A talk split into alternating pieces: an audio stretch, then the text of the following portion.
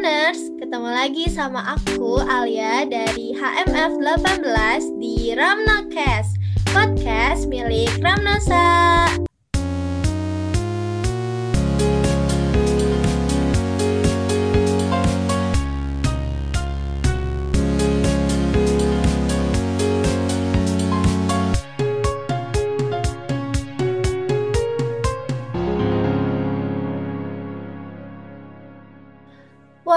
Lama banget nih aku nggak nyapa-nyapa Ramno Listeners. Semoga Ramno Listeners di mana pun berada selalu sehat-sehat dan bahagia ya.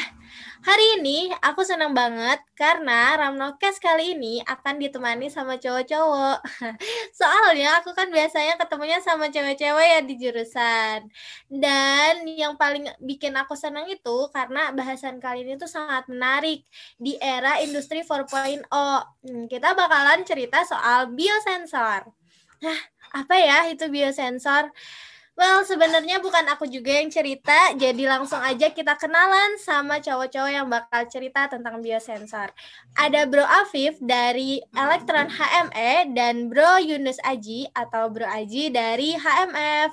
Yuk, siapa dulu yang mau kenalan nih? Uh, aku dulu deh sis, boleh gak? Boleh, boleh banget, boleh nih bro, silakan. Oke sip.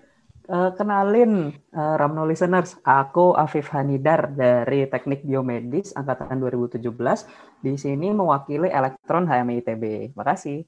Sama-sama. Lanjut aja langsung disambung sama Bro Aji. Silakan. Halo Ramno listeners, kenalin aku Aji dari Farmasi Klinik dan Komunitas 2017. Di sini aku jadi perwakilannya dari HMF. Yeay, nah udah kan terdengar suaranya lebih berat ya daripada biasanya. Langsung aja yuk, ini kan aku juga tadi sudah bertanya-tanya apa sih itu biosensor. Langsung aja ya aku ke Bro Afif dulu deh. Aku sendiri sama Ramno listeners mungkin di sini ada yang belum tahu nih apa itu biosensor. Jadi, apa itu biosensor Bro Afif? Jadi sebenarnya biosensor tuh seperangkat alat yang mampu menganalisis atau mendeteksi suatu zat kimia melalui hubungan atau reaksi zat kimia itu dengan zat kimia yang lainnya secara garis besar gitu sih. Oh gitu ya. Jadi ini um, menyangkut kimia-kimia juga nih ya. Oke, kalau gitu lah aku mau nanya nih sama Bro Aji ya karena nyambung dengan kesehatan. Nah, ini kan aku tahunya biosensor itu dipakai untuk diagnostik ya. Nah, ini tuh cuma bisa dipakai buat diagnostik atau ada kegunaan yang lainnya kah? Nah, untuk biosensor sendiri ini di bidang kesehatan emang mayoritas dipakainya di bidang diagnostik gitu ya.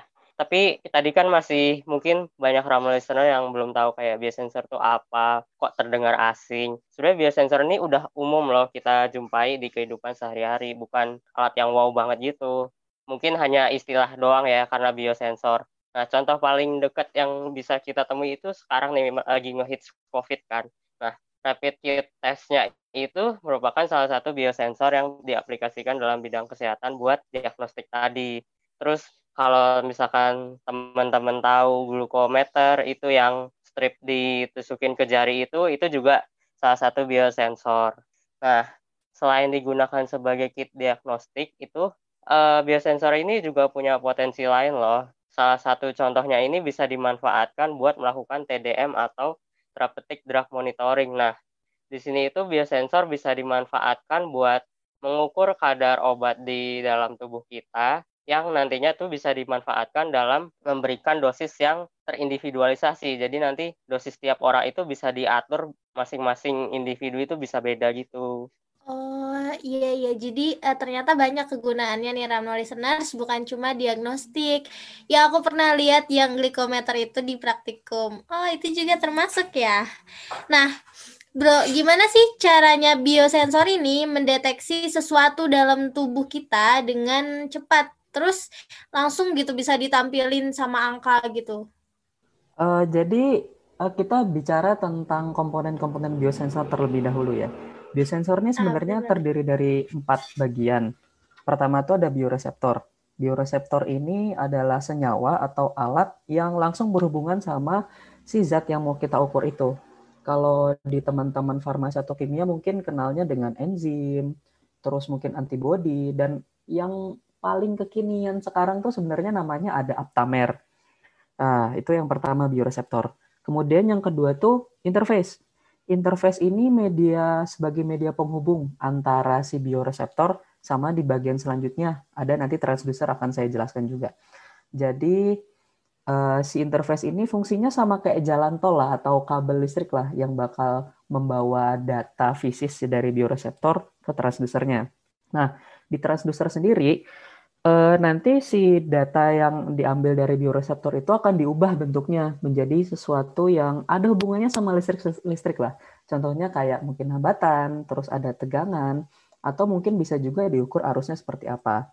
Nah, nanti hasil dari transducernya ini bakal diproses gitu, bakal dihitung menggunakan rumus apa, dan akhirnya bisa menjadi sesuatu yang kita kenali lah. Contohnya misalnya kadar gula darah atau kadar HB darah. Nah, itu contoh paling umum yang bisa kita temui di biosensor. Oke, makasih banyak Bro Afif. Jadi tuh ternyata uh, biosensor ini melibatkan komponen ilmu yang kompleks ya. Matematikanya ada, tadi kesehatannya ada, fisikanya karena melibatkan arus-arus listrik mungkin ya, Bro Afif. Iya, nah, ada sedikit sih. Mm -mm. Nah, aku mau nanya lagi nih sama Bro Aji uh, apa sih kelebihan biosensor sebagai metode diagnostik dan bagaimana prospeknya? Karena kan uh, diagnostik sekarang tuh metodenya banyak ya.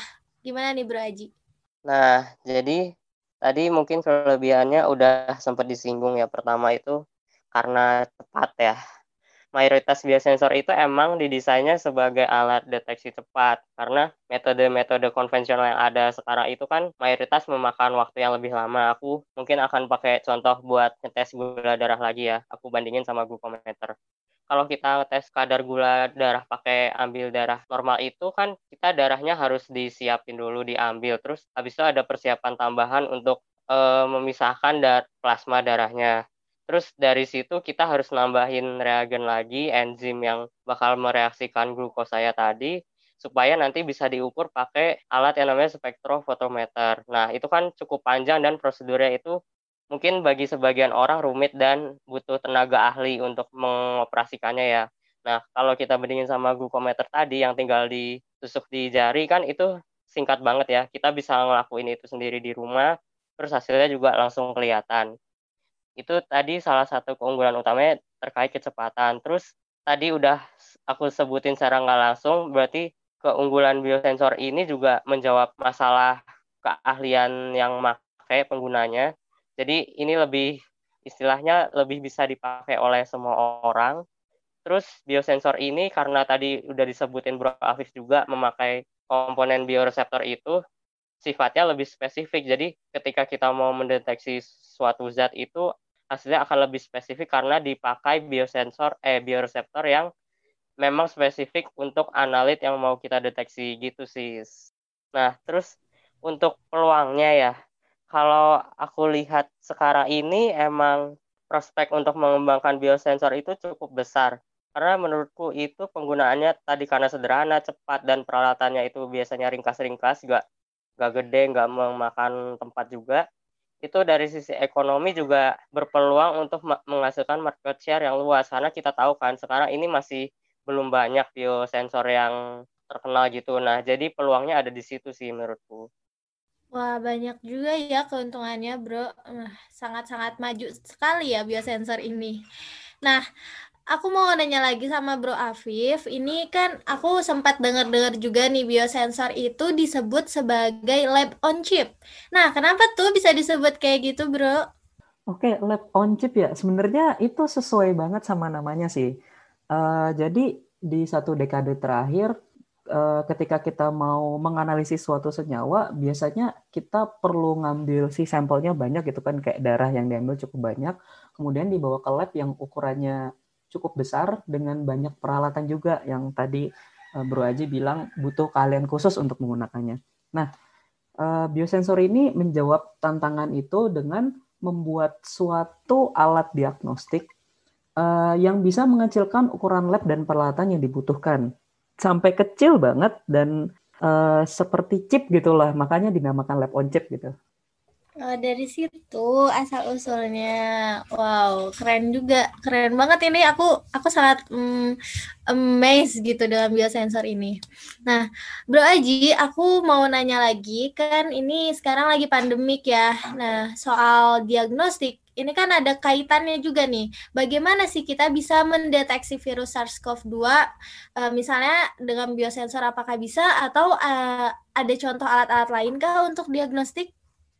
Nah, oke okay, sis. Jadi kan tadi aku udah sempat sebutin di awal kit rapid test buat deteksi COVID itu merupakan salah satu biosensor juga.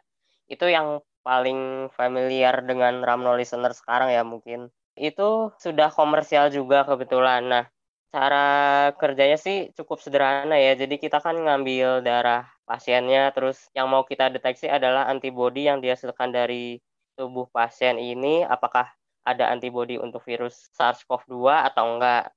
Nah, terus itu yang udah komersial tuh. Kalau untuk peralatan lain yang berpotensi buat dikembangkan itu ya aku tahu sekarang itu lagi rame nih mendeteksi uh, virus SARS-CoV-2 ini tapi pakai bioreseptor yang lebih selektif. Tadi Bro Afif udah nyebutin pakai Aptamer. Nah, itu peralatan yang lagi dikembangkan itu pengujiannya menggunakan ada namanya SPR. Jadi itu tuh nanti bakal mengukur perubahan frekuensi yang disebabkan ketika ada ikatan dari elemen yang dideteksi dari virus SARS-CoV ini dengan bioreseptor tadi. Nah, aptamer itu apa? Mungkin ini masih sangat tidak awam ya.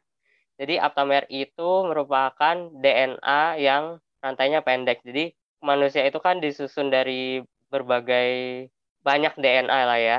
Nah, ini aptamer itu merupakan DNA yang rantainya pendek, tapi dia itu bisa secara spesifik mendeteksi suatu zat kimia gitu, bisa protein, bisa bisa DNA lainnya juga gitu. Oh, jadi salah satu contoh alat untuk mendeteksi SARS-CoV-2 ini adalah uh, kit rapid test ya, Bro Aji. Oh, jadi itu simpelnya tuh di biosensor ini ya harus ada senyawa yang mendeteksi senyawa dalam tubuh ya, makanya disebut biosensor. Uh, iya iya. Nah, ini nyambung banget nih sama pertanyaan selanjutnya. Kan eh, tadi juga sama Bro Aji dijelasin kalau bidang itu lagi berkembang banget, kelebihannya juga cepet, efektif. Nah kalau dari hambatannya itu sendiri apa sih Bro Afif? Kan kita nggak bisa dengar dari satu sisi ya. Nah gimana nih Bro Afif? Tantangan ya, sebenarnya tadi udah sempat disebutin sama Bro Aji juga sih soal peluang dari biosensor ini. Nah salah satunya tuh mencari bioreseptor yang sensitif dan selektif. Maksudnya seperti apa? Uh, sensitif di sini maksudnya dia bisa mendeteksi senyawa dalam ukuran yang sangat sedikit gitu dan bisa bereaksi juga dengan cepat. Jadi itu sensitif. Kalau untuk selektif, si bioreseptor ini cuman bisa bereaksi dengan zat-zat tertentu saja, khususnya yang pengen kita cari lah istilahnya gitu. Kenapa perlu selektif? Uh, soalnya ketika kita ngambil sampel, biasanya kan nggak cuman zat yang mau kita cari aja kan yang ada di sampel itu. Misalnya darah, ada gula darahnya, ada HB-nya juga, dan mungkin ada hormon-hormon lainnya. Nah, tantangannya gimana caranya kita bisa dapat bioreseptor yang cuman bereaksi sama salah satu dari komponen-komponen tersebut. Uh, terus yang tantangan kedua itu mencari metode lain yang lebih sederhana dalam mendeteksi zatnya. Idealnya kita pengennya sampelnya itu langsung dari cairan tubuh gitu. Kayak contoh rapid test yang tadi udah dijelasin sama Bro Aji kan langsung pakai darah. Terus bisa juga mungkin pakai keringat atau bisa pakai sampel urin dan mungkin cairan-cairan lainnya. Uh, tapi nggak jarang di biosensor tuh kita perlu ada semacam pengolahan dulu lah si senyawanya ini kayak mungkin nggak bisa pakai darah tapi bisanya pakai plasma. Nah itu kan cukup ribet ya kalau kita harus proses-proses-proses dulu baru kita masukin ke biosensor. Makanya eh, tantangannya tuh mencari metode yang lebih sederhana gitu supaya bisa langsung lah pakai sampel yang udah ada. Terus ketiga itu eh, mencari metode yang memerlukan sedikit sampel. Kenapa? Soalnya semakin sedikit sampel yang kita butuhkan, semakin kecil juga senyawa lain yang kita perlukan. Kayak misalnya enzimnya cuma butuh sedikit gitu. Nah, ini sangat berdampak kepada biaya yang diperlukan baik untuk mengoperasikan maupun membuat si biosensornya. Nah, dari tantangan yang terakhir aku sebutin ini sebenarnya udah ada nih solusinya, yaitu microfluidic biosensor. Microfluidic biosensor itu apa? E, maksudnya itu sebuah biosensor yang bisa memanipulasi cairan dalam ukuran mikro atau kecil banget, sampai mungkin bisa dalam satu sel gitu.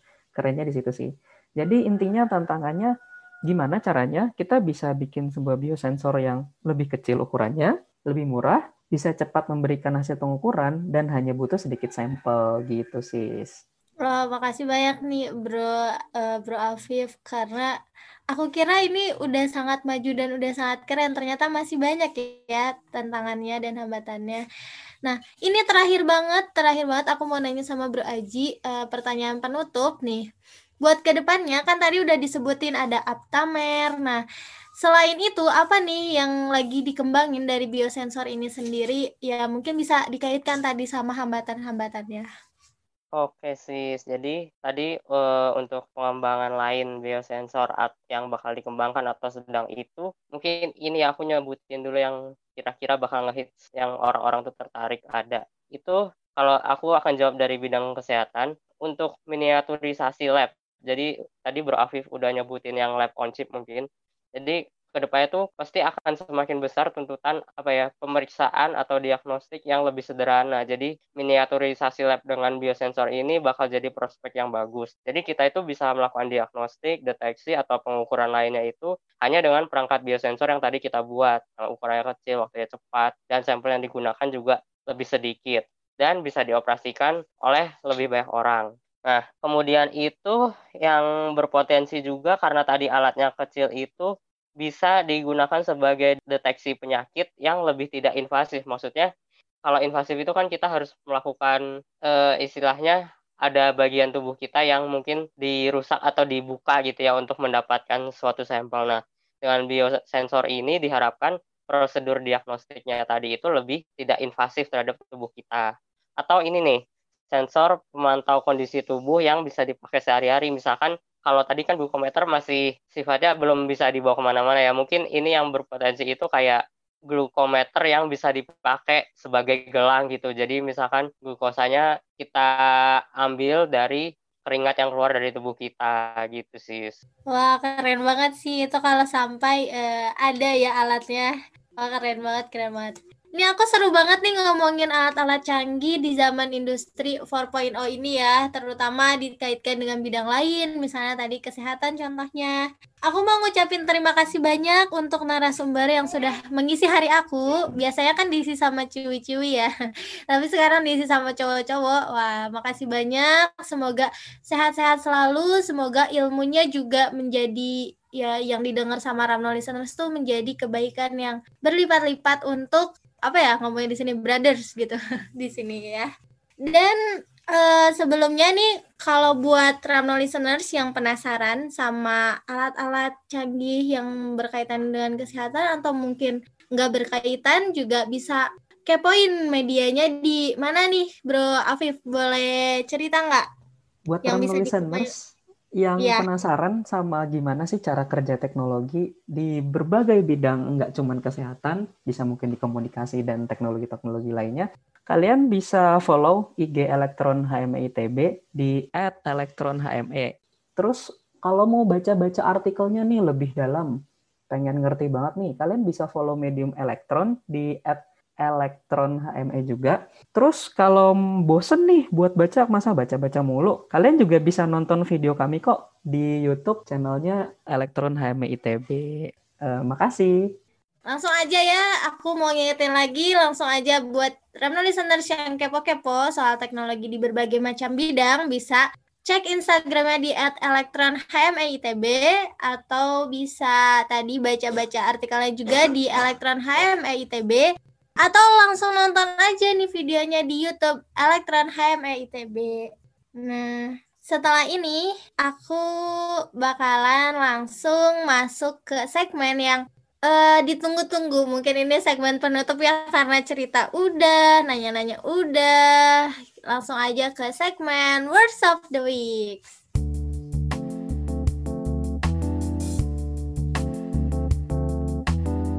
Uh, aku dulu deh uh, ini biasanya aku pakai ketika uh, lagi mumet, lagi down, lagi gagal lah istilahnya. Aku selalu ingat quotes ini. Uh, ketika sesuatu tidak berakhir bahagia, maka itu belum berakhir. Jadi berusahalah sampai akhirnya itu bahagia. Wah, sangat menyentuh ya. nah, lanjut lanjut nih ke Bro Aji. Bro Aji, ada yang mau disampaikan? Mungkin dari aku coachnya agak mirip dengan Bro Afif. Ini uh, mungkin agak sering aku pakai juga jadi uh, andalanku itu adalah what doesn't kill you makes you stronger jadi ya apa pun yang kalian udah Ramno listeners kerjakan hingga saat ini itu percayalah semuanya itu ada artinya jadi kalau terasa berat itu ya itu bagian proses dari hidup yang bisa bikin kita semua berkembang lebih baik lagi. Gitu sis terima kasih banyak brothers brothers. Ya agak kerasa juga ya ini udah di segmen akhir. Pokoknya aku mau berterima kasih sekali lagi untuk narasumber yang sudah mengisi hari ini dan Ramno listeners di mana pun kalian berada semoga sehat-sehat selalu dan semoga tadi words of the weeks-nya bisa membuat uh, Ramno listeners kuat mengikuti satu fase ke depan lagi dan semoga ilmu hari ini bisa bermanfaat banyak untuk Ramno listeners dan menjadi kebaikan yang berlimpah untuk Bro Aji dan Bro Afif. Stay healthy, stay positive, and stay happy. Aku Alia, pamit undur diri. Ramnosa, meroket dengan pena.